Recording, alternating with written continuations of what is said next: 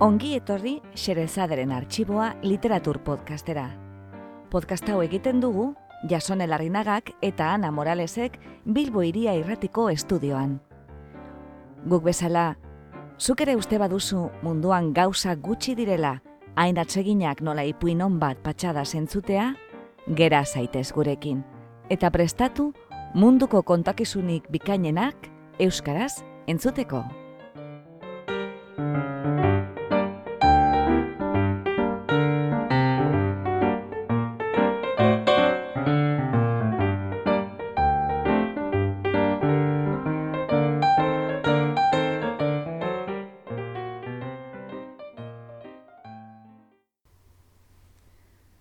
Gaur, Xerezaderen arxiboan, egun zoragarria banana arrainaren zat. Egilea, Jerome David Selinger. Itzultzailea, Bernardo Atxaga. Jerome David Salinger estatu batuetan jaio zen mila bederatzen eta emeretzian eta bertan hiltzen bi mila eta amargarren urtean. Instituto garaian hasi zen ipuinak idazten, eta mila bederatzen eta berrogeta sortzian argitaratu zuen The New Yorker aldizkarian, bere lehen lan arrakastatzua, hain justu gaur irakurriko dugun historioa. Egun zoragarri bat, banana arrainaren zat. Gerora, ipuinak eta novelak argitaratzen jarraitu zuen, tartean, famarik handiena eman dion novela. The Catcher in the Rye. Euskaraz, zekale artean arrapaka izenaz argitaratu zena. Salingerrek bigarren mundu gerran hartu zuen parte zuzenean, eta besteak beste, Parisen eta Datxauko konzentrazio eremuaren askapenean. Han bizi izandakoak inpaktu emozional handia eragin zion, eta hori dela eta Nurembergeko ospitalean egon zen tratamenduan berakala eskaturik. Gaur irakurriko dugun ipuina, esan bezala, egun zoragarria banana arrainarentzat izeneko istorioa da. Eta gerrako bizipen latz horien arrastoa aurki daiteke bertan. Ipuina Floridako oporleku batean kokatua dago, eta mila bederatzen eta berrogeta sortzegarren urtean gertatzen da. Hasieran, Muriel Glass aurkitzen dugu telefonoz berbetan bere amarekin.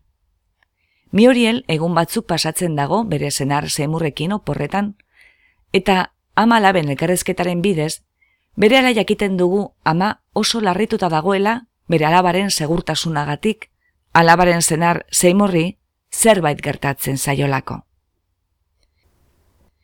Bigarren eszenan, zibil neskatua aurkitzen dugu bere amarekin. Neskatuaren izena zibil da, eta izen horrek gogora ekartzen digu mitologia klasikoko emakume profetaren figura. Gainera, antzinako zibila hoien gizara, ume hau bere amaku lertzen ez dituen hitz misteriotzu batzuk errepikatzen ari da. See more glass. See more glass.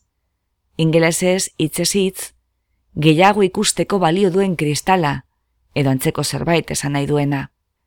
Baina umearen ahotan, erreferentzia egiten diona ipuineko protagonistari, hau da, Seymour Glass pertsonaiari, lehen esenan aipatu den Murielen zenarrari, alegia. Zibilen ama hotelera doa martini bat hartzera lagun batekin, eta neskatila ondartzera doa Seymour Glassekin elkartzera. Gizonaren eta umearen arteko harremana errasa eta fluidoa da, eta eremu magiko batean garatzen da.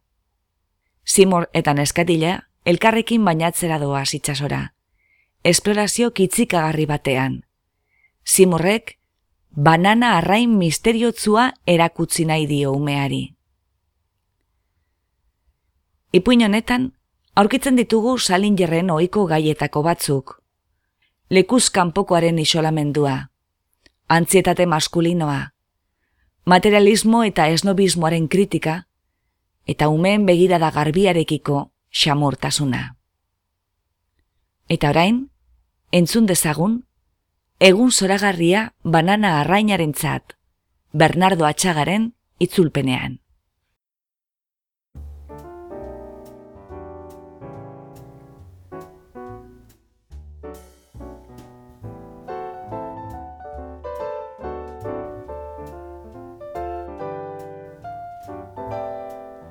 Hotelean New Yorkeko laro eta masazpi publizitatea agente zeuden. Nolaz eta kanpora deitzeko telefono linea guztiak monopolizatzen baitzituzten, boste ondaz azpiko neskak, eguerditik arratzaldeko ordu biterdiak arte, itxoin behar izan zuen bere deia. Hala ere, ez zuen denbora alferrik aldu. Emakume aldizkari batean, sexua, edo divertigarria, edo infernua, izeneko artikulu bat irakurri zuen. Bere horrazia eta zepiloa garbitu zituen. Mantxa bat kendu zion, traje beixaren gonari.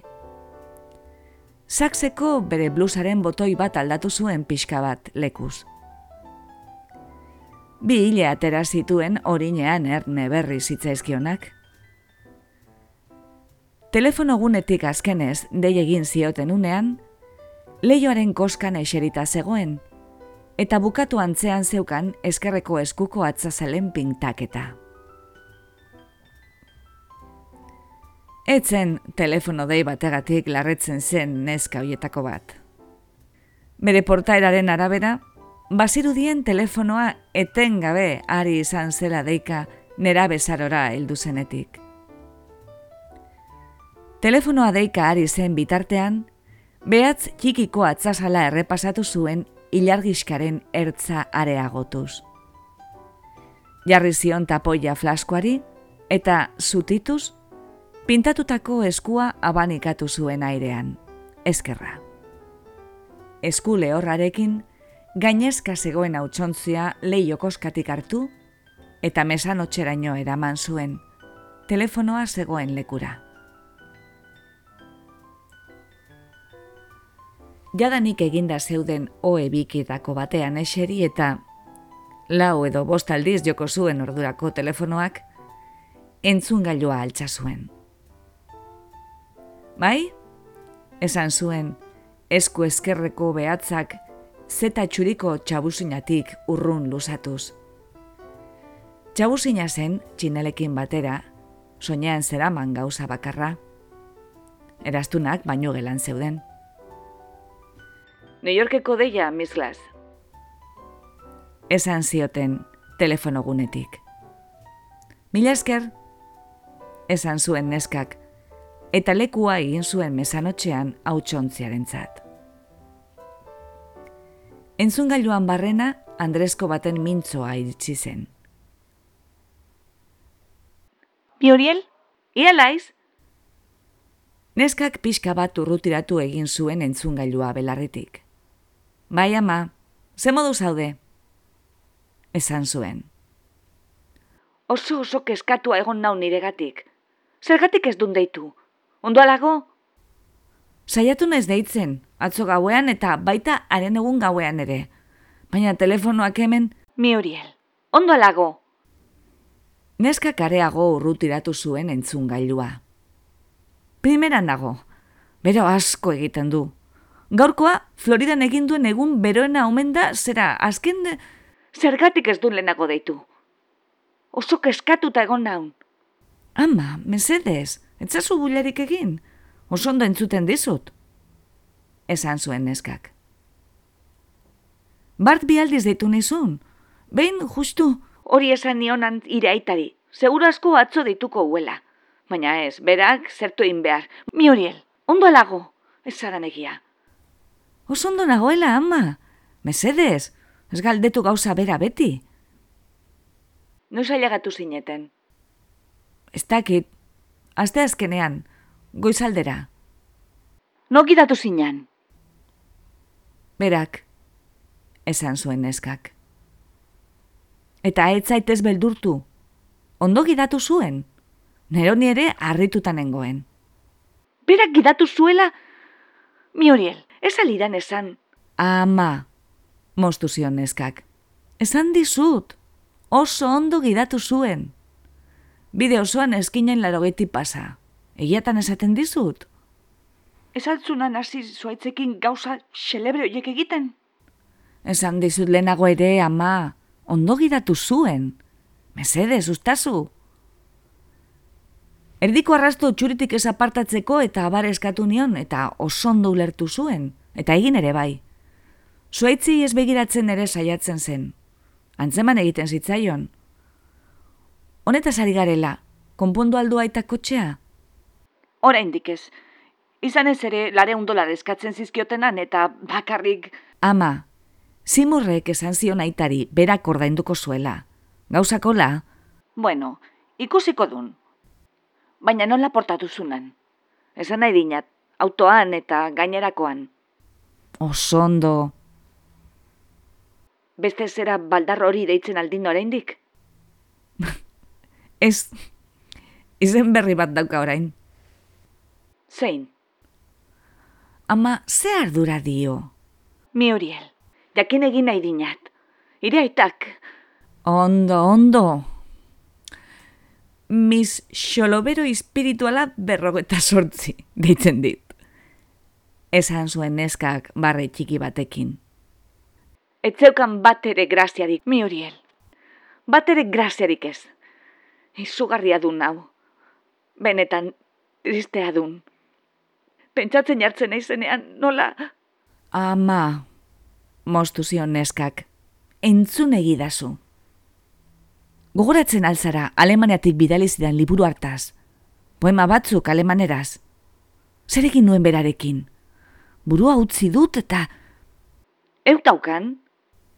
Seguro zaude? Jakina, hobeto esan da. Nik zeukanat. Fediren gelan zegon, hemen utziunan eta lekurik ninan beste nin... Eta zergatik? Eskatu egin aldin? Ez, autoan gentozela beragati galdetu zidala, besterik ez. Irakurria nuen galdetu zidan. Baina alemanera segoneta. Bai, amatxo, baina horrek ez ardura. Esan zuen neskak, berna gurutzatuz. Esan zuen poema horiek mende honetako poeta handi bakarrak idatzi zituela. Ia zergatik enuen itzulpen bat erosi, esan zidan. Edo hizkuntze ikasteko bestela. Hori euskeria balitz latza, latza dun, benetan tristea dun. Esaten zinan nire aita katzo gauean. Segundo bat ama. Esan zuen neskak. Leio koskaraino urbildu zen zigarro bila. Bat piztu, eta eseri egin zen ostera. Ama, esan zuen, ke ahokada bat botaz. Begira mi uriel entzun egidan. Entzuten ari naiz. Ire aitak, Sibetzki doktorarekin hitz egin zinan. Bai? Esan zuen neskak. Den dena kontatu zionan. Beintzat hori esan zinan, badakit nolakoa den ire aita. Zuaitzena, leioaren kontu hori, Amonari esan zizkion gauza izugarri haiek ia ze plan zeukan mundu honetatik doan erako. Bermudetako erretratu politaiekin egin zuena ere, den dena. Eta? Esan zuen eskak. Aurrena, zera esan omen zinan. Etzela konprenitzekoa armada kalta ematea zegoen ospitaletik. Egia. Azken batean, hori jakin nahi zinan nire aitak, litekena dela, baina oso litekena, zimur, erabat nahastea burutik. Zin egiten dinat? Hemen hotelean, psikiatra bat dago, esan zuen neskak. Nordun, nola din izena? Ez dakit, rizer edo alako zerbait. Oso psikiatra ona dela esaten dute beraritzarik ez dinat. Bueno, ba, ala ere oso ona omen da. Mi horien mesedez, ez izan lotzagabea. Oso keskatuta gauden iregatik. Egia esan behar baldin badut. Bart ireaita ia ia egonunan iri telegrama bat jartzeko. Etxera segituan etortzeko esan ez. Orainkoz bultatzerik ez dut pentsatzen ama. Beraz, hartu lasai. Mi horiel, egia esaten dinat. Zibetzki doktoraren ustez, baliteke zimur burutik era bat nastea. Ama, ailegatzea besterik ez dut egin. Urteak dira uporrik egiten nahi nituela, eta ez noa horren bestez gainera dena maletan sartu eta etxera bueltatzera. Esan zuen neskak. Bestalde naita ere ezingo nuke. Hain erretan nago eguzkiarekin non mugitzerik ere ez daukadan. Asko erreala aiz. Ez aldun erabili maletan jarri ninan brontzeadorea. Zeran zegoen? Eman nuen, baina berdin erren nintzen. Zer esaten didan? Nun erreaiz? Denean ama. Denean erre naiz. Zer esaten didan? Enaiz hilko ama. Ezadan, itzegin aldun psikiatra horrekin. Bueno, bai, kutsi gora bera. Esan zuen neskak. Eta zer esan den? Non zegonan Simor, arekin hitz egiten ari intzenean? Ozeano aretoan, pianoa jotzen. Pianoa jo du hemen pasa ditugun bi gauetan. Bueno, ta, zer esan zinen? Ba ez asko. Berak hitz egin zuen aurrena.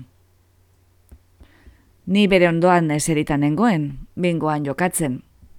Eta zera galdetu zidan? Ia, pianoa jotzen ari zena nire zen arrazen.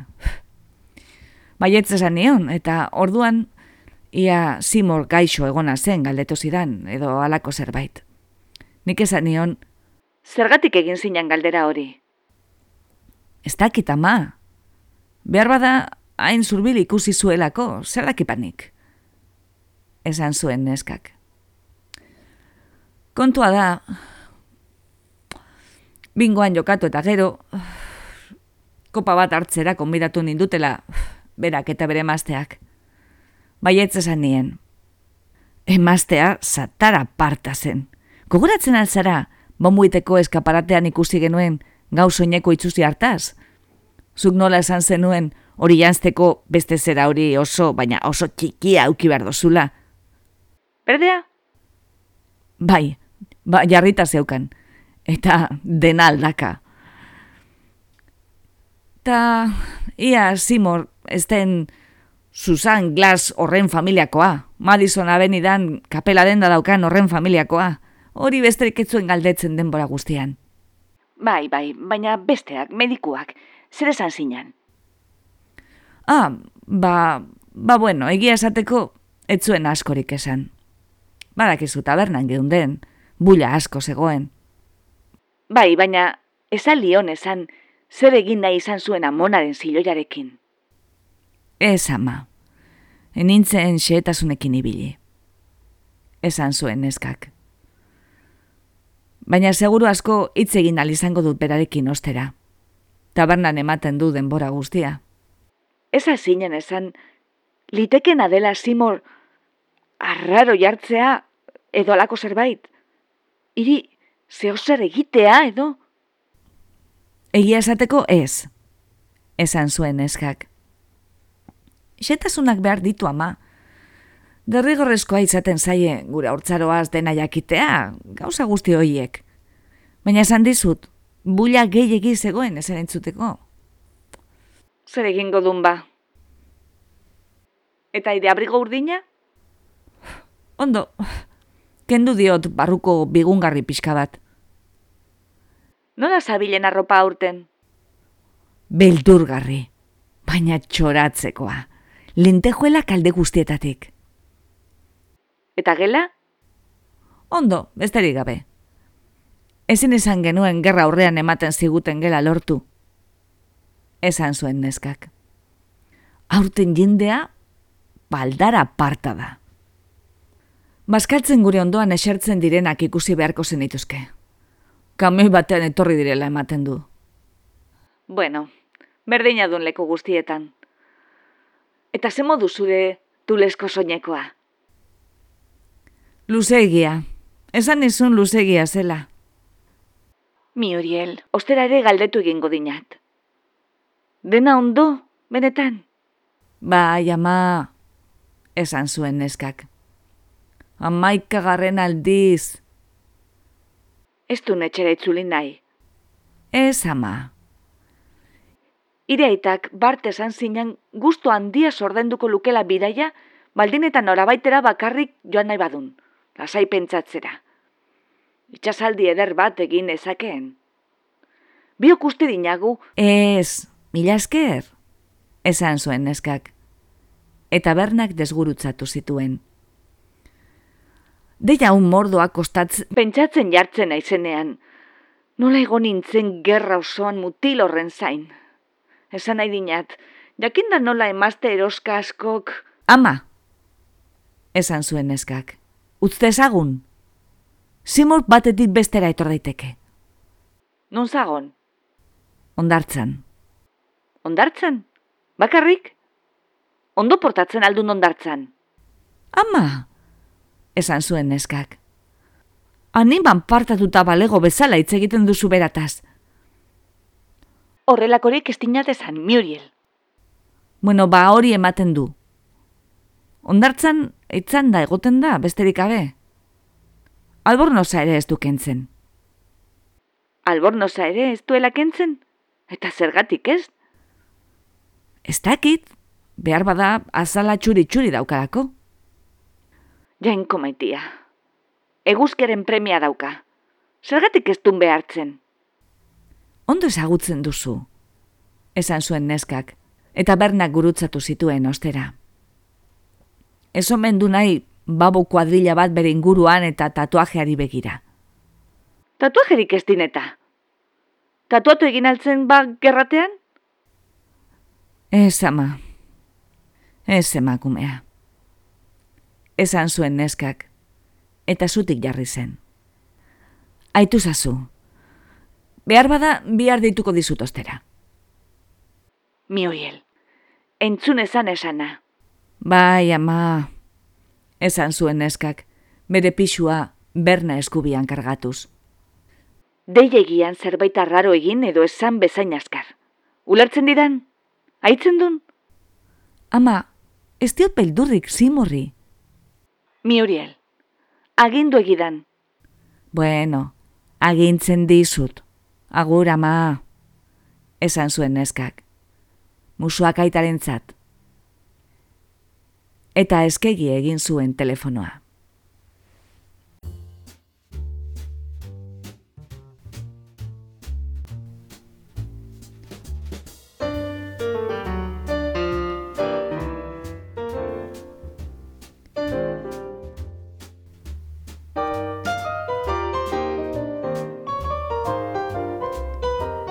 See more glass.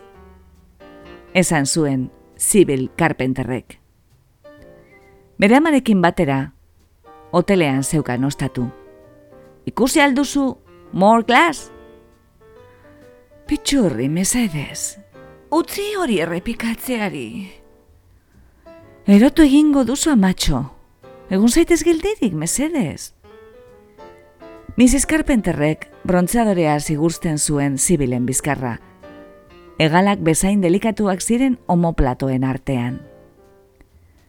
Zibil eserita edo zegoen, ondartzarako pilota erraldoi eta pus-pustu baten gainean, eta itsasoari begiratzen zion. Baino jantzi hori koloreko bat zeraman, kanariar horikoa, eta bi piezakikoa.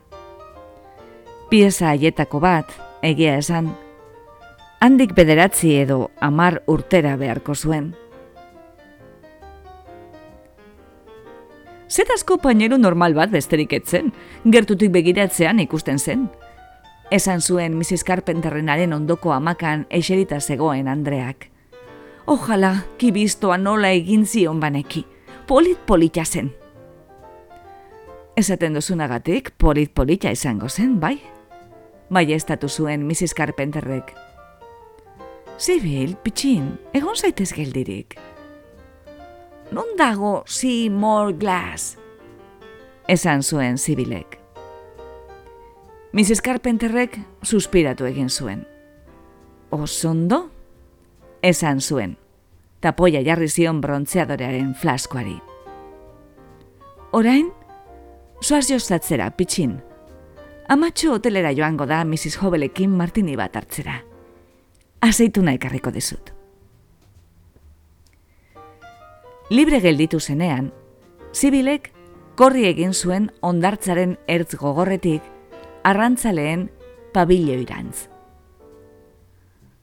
Bakarrik gelditu zen, hanka ondarrezko gaztelu erdi erori eta urestatu baten gainean jartzeko, eta berealakoan haienatu zen hoteleko bezeroentzat erreserbatuta zegoen aldetik. Kilometro erdi bat edo ibili zen, eta bapatean zeharka korritzari ekin zion, uretik urrunduz ondar txurirantz. Bizkarrez etzanda zegoen gizon gazte baten ondoan gelditu zen. Joan beraldu zuretara, see more glass, esan zuen.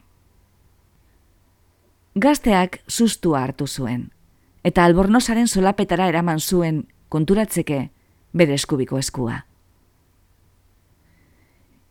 Biribilke bat eginda zuen toalla begi gainetik erortzen utziz, auspez jarri zen, eta zeharretara begiratu zion zibili.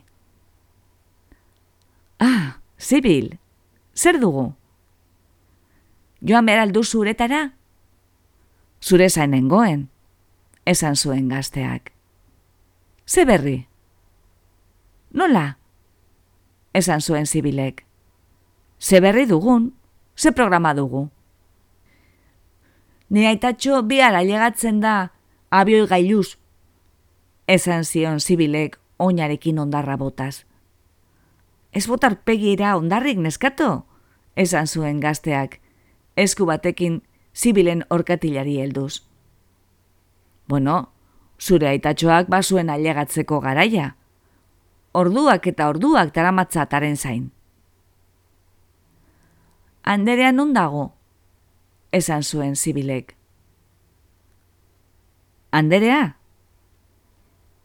Gazteak mugimendu bat egin zuen, bere hile laburretik ondarra astinduz.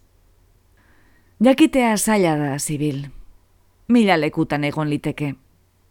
Ilea paindegian, ilea bizoi kolorez tindatzen, edo bere gelan, ume behartxuen zat panpinak egiten, auspez jarri zen, biukabilak itxi zituen, eta bata besteren gainean jarriz, kokotza egokitu zuen goikoan. Galdegidazu zerbait gehiago, zibil, esan zuen. Oso baino jantzi polita dara mazu? Zerbait badut gustokoa, baino jantzi urdin bat da. Zibilek harrituta begiratu zion. Gero bere tripatxo nabarmena hartu zuen begietan. Horia da. Esan zuen. Horia. Benetan? Ia, inguratu pixka bat. Zibilek aurrera pauso bat egin zuen. Munduko arrazoi guztia daukan. Zein tontoa naizen. Joan beraldu zuretara? Esan zuen zibilek. Oso serioari naiz horretan pentsatzen zibil. Oso serio gainera.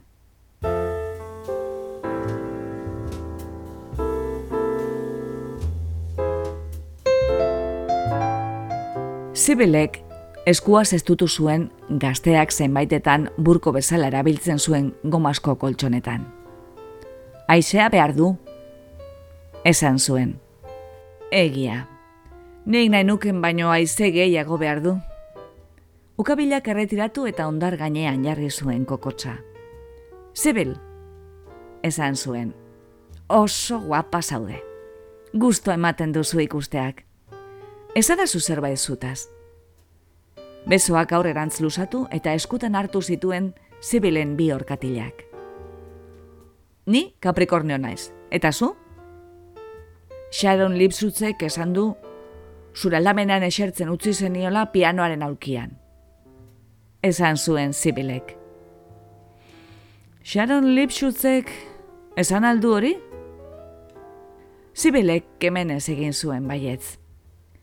Libratu zizkion orkatilak, bildu zituen besoak, eta beza gainean jarri zuen masaila. Bueno, esan zuen, badakizu gauza horiek nola izaten diren, zibil. Antzeren ni jotzen. Zu, eskutatu da zeunden unbait. Sharon Lipschutz etorri zen eta nire aldamenean eseri zen. Enuen ba bultza eta handik bialiko, ez da? Zergatik ezpa, Ez, ez, ezin nuen hori egin. Badakizu zer egin nuen? Zer? Zu zinela imaginatu nuen. Zebel makurtu eta ondarrean zuloak egiten hasi zen. Goazen uretara, esan zuen. Bueno, aldarrikatu zuen gazteak. Uste dut, tartetxo bat bilatu dezakedala horretarako. Urrengoan, bultza eta atera, esan zuen zibilek. Atera nor? Sharon Lipschutz. Ah, Sharon Lipschutz, esan zuen gizonak. Beti zen hori. Oroitzapenak eta desioak nahazturik. Bapatean zutik jarri eta itsasoari begiratu zion. Zibil, esan zuen. Badakit zer egin dezakegun. Banana arrain bat arrapatzen saiatuko gara. Arrapatu zer? Banana arrain bat, esan zuen. Eta albornosaren gerrikoa libratu zuen. Kendo egin zuen. Bizkar txuri eta estuak zeuskan. Baino galtza urdin elektrikoa zen. Tolestatu egin zuen albornosa, luzeraka aurrena eta hiru dobletan gero. Desbildu zuen begi gainean eukitako toalla, zabaldu zuen ondarrean, eta tolestutako albornosa utzi zuen bertan. Makurtu zen, jaso zuen koltsoneta, eta bezapean jarri zuen, eskubitakoan. Gero, eskerrarekin, zibilena hartu zuen. Itxasoran zabiatu ziren biak. Banan arrain batzu batzuk ikusiko zenituen, noski? Esan zuen gazteak. Zipolek ezetz egin zuen buruaz. Ezetz? Benetan? Baina, nun bizi zara orduan? Ustakit, esan zuen Zipolek. Hori badakizula, jakin beharra daukazu. Sharon Lipsusek hiru urte terdi besterik ez dauka eta badakin on bizi den. Zipel gelditu egin zen eta tiratu batez eskoa libratu zuen beraren gandik karrankala arrumt bat hartu, eta ardura nabarmena zaztertu zuen. Gero, bota egin zuen. Worley Wood, Connecticut, esan zuen eskatuak, eta oinez jarraitu zuen, tripa aurrena. Worley Wood, Connecticut, esan zuen gazteak. Leku hori ez da ba egongo Worley Wood, Connecticutetik oso bertara. Sibelek begiratu egin zion. Antxe bizi naiz? Esan zuen pazientzia ezin hartuz. Willy Wooden bizi naiz, konektikaten. Aurreratu pauso batzuk, hartu eskerreko oina eskerreko eskuaz, eta bizpa iru jauzi egin zituen. Ez dakizu horrek noraino argitzen dituen gauzak, esan zuen gazteak irakurri alduzu sambo beltxikia? Esan zuen zibelek hankalibratuz. Oso xelebra da zuk orain hori galdetzea? Kasualitatez, bart gauean bertan bukatu dut liburua. Makurtu eta zibilen esku hartu zuen ostera. Zeiru ditu zitzaizun. Gogoratzen altzara zuaitzorren inguruan bueltaka zebiltzan tigraietaz? uste nuen behin ere etzirela geldituko. Sekula ez dut horren beste tigre ikusi. Sei besterik ez ziren, esan zuen zibilek. Sei besterik ez, esan zuen gazteak. Eta besterik ez diozu? Gustatzen alzaizu argizaria? Galdetu zuen zibilek. Gustatzen altzaidan, zer? argizaria. Asko, zuri ez? Zibilek baietz egin zuen buruaz. Gustatzen azaizkizu azaitunak? Azeitunak? Bai, azeitunak eta argizaria. Enez inora joaten oiekabe. Gustatzen alzaizu Sharon Lipschutz? Bai, gustatzen zait, bai. Berarengan gehiena gustatzen zaidana da, ez diela gauza itxusirik egiten txakurrei hoteleko salan. Kanadako Andre horren buldok ipotxari, esate baterako. Ez dira zuzinetziko, baina badira zenbait neska, asko libertitzen direnak ura globoen sotzarekin ziztatzen. Baina Sharon, behin ere ez. Gaiztorik ez du, eta baldarkeriarik ere ez, behin ere. Horregatik maite dut horren beste. Sibilek ez zuen ezertxo esan. Kandelak mastegatzea gustatzen zait. Esan zuen azkenez. Eta nori ez? Esan zuen gazteak hankak bustiz. Arraioa, zehotza dagoen! Koltsoneta ur gainera bota zuen. Ez, zaude pixka batean, zibil. Itxoin pixka bat barrurago egon arte. Aurrera jarraitu zuten, zibilek ura gerreraino euki arte. Orduan gazteak neskatila jaso eta koltsonetan jarri zuen auspez. Ez alduzu baino txanorik edo olako zerbait erabiltzen? Galdetu zuen gazteak. Ez utzi! Esan zuen zibilek. Eutzi gero! Mesedez, Miss Carpenter, ondo dakit zer egiten ari nahi zen? Esan zuen gazteak. Zu, banana arrainak ikustera bakarrik egon adi. Gaurkoa, egun zoragarria da banana arrainentzat.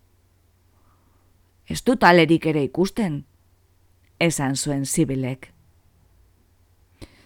Litekena da, bere noiturak oso bereziak dira oso bereziak. Koltsonetari bultzaka jarraitu zuen. Ura, bularretaraino iristen zitzaion. Oso bizimodu tristea daramate, esan zuen. Badakizu zer egiten duten, zibil. Ez egin zuen buruaz. Bueno, esan egingo dizut bananaz beteta dagoen zulo batean sartzen dira. Sartzen direnean, beste dozen arrain bezalako atira. Baina behin barruan daudela, txerriak bezala portatzen dira. Izan omen dira, banan arrainak, zulo batera iesi joan eta irurogeta masortzi banana ere jan zituztenak. Areago bultzazion koltsonetari eta haren gainekoari, hogeita mar bat zentimetro. Jakina, olako bat egin eta gero, hainbeste gizentzen dira, non zulotik atera ezinez gelditzen diren. Ez dira atean kabitzen. Ez hain urruti joan, esan zuen zibelek. Eta ze gertatzen da beraiekin gero? Gertatu norekin? Banan arrainekin? Bueno, hainbeste bananaian eta zulotik ezin ateraz gelditzen direnean, esan nahi duzu? Bai, esan zuen zibilek. Begira, enuk esan nahi, baina hile egiten dira. Zergatik? Sukar bananatia harrapatzen dute. Oso gaitz latza. Ordaturuin bat, esan zuen zibelek orduri. Ez du gaintzat hartuko. Geure indiferentziaz hilko dugu. Esan zuen gazteak, bi arrosko bagina bezala. Zibilen orkatilak bi eskuekin hartu eta aurrerantza egin zuen bultza. Koltsonetak uin gainetik altza zuen branka. Urak blai utzi zituen zibilen hile horiak baina bere garrasiak placer utzeskoak ziren. Kotxoneta ostera geldi jarri zenean, begietatik txerlo erantzi eta eze bat apartatu eta «Oren ikusi du pat!» komentatu zuen. Zer da ikusi dozuna? Jauna, ez, esan zuen gazteak. Ba, altzeukan bananarik hauan? Bai, esan zuen zibilek. Sei! Bapatean, gazteak zibilen hanka bustietako bat hartu zuen, koltsonetaren ertzean zintzilikatzen zena, eta pa eman zion oin azpian. E, esan zuen hankaren jabeak giratuz. Nola, e? Orain, itzul gaitezen. Naiko libertitu altzara? Ez! Ala esan beharko du ba? Esan zuen. Eta ondartzarantz bultzatu zuen koltsoneta, zibil jaitzi zen arte. Besapean eraman zuen koltsoneta handik aurrera. Agur! Esan zuen zibilek, eta korrika abiatu zen hotelera.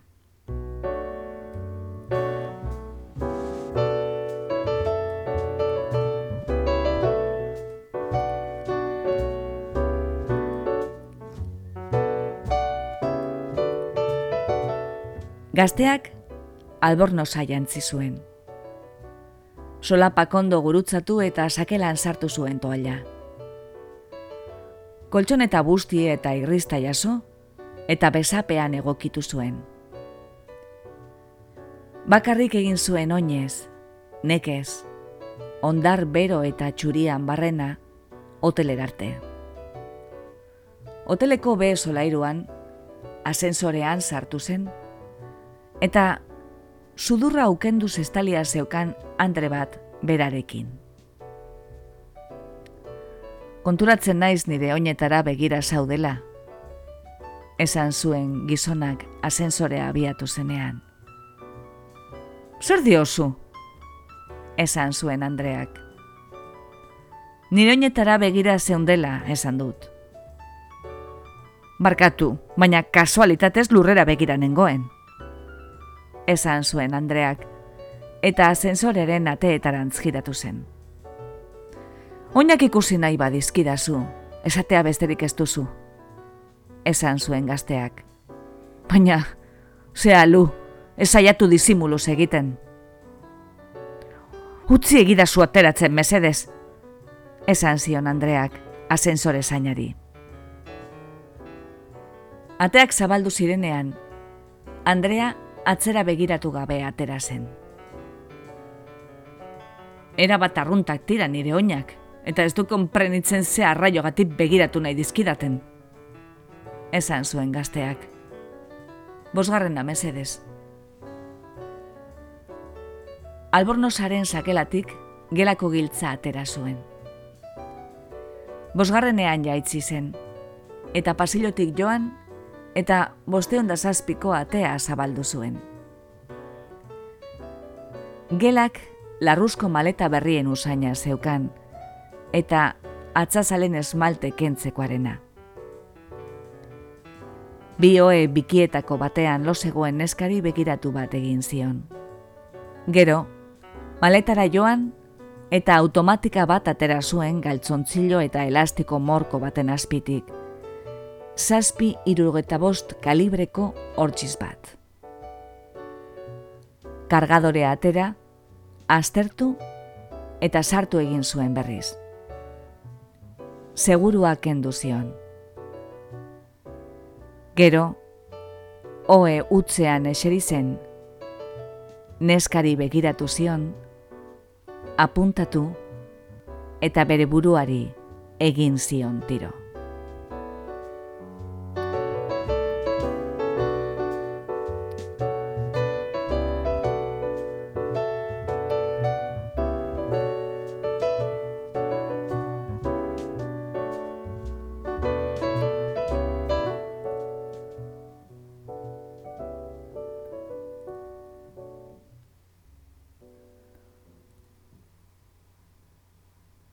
Entzun duzu egun zoragarria banana arrainaren txat.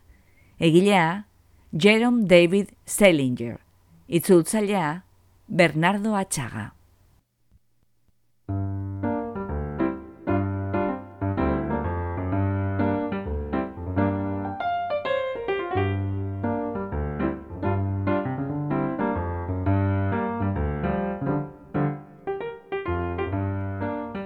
Xerezaderen artxiboko beste atal bat entzun duzu.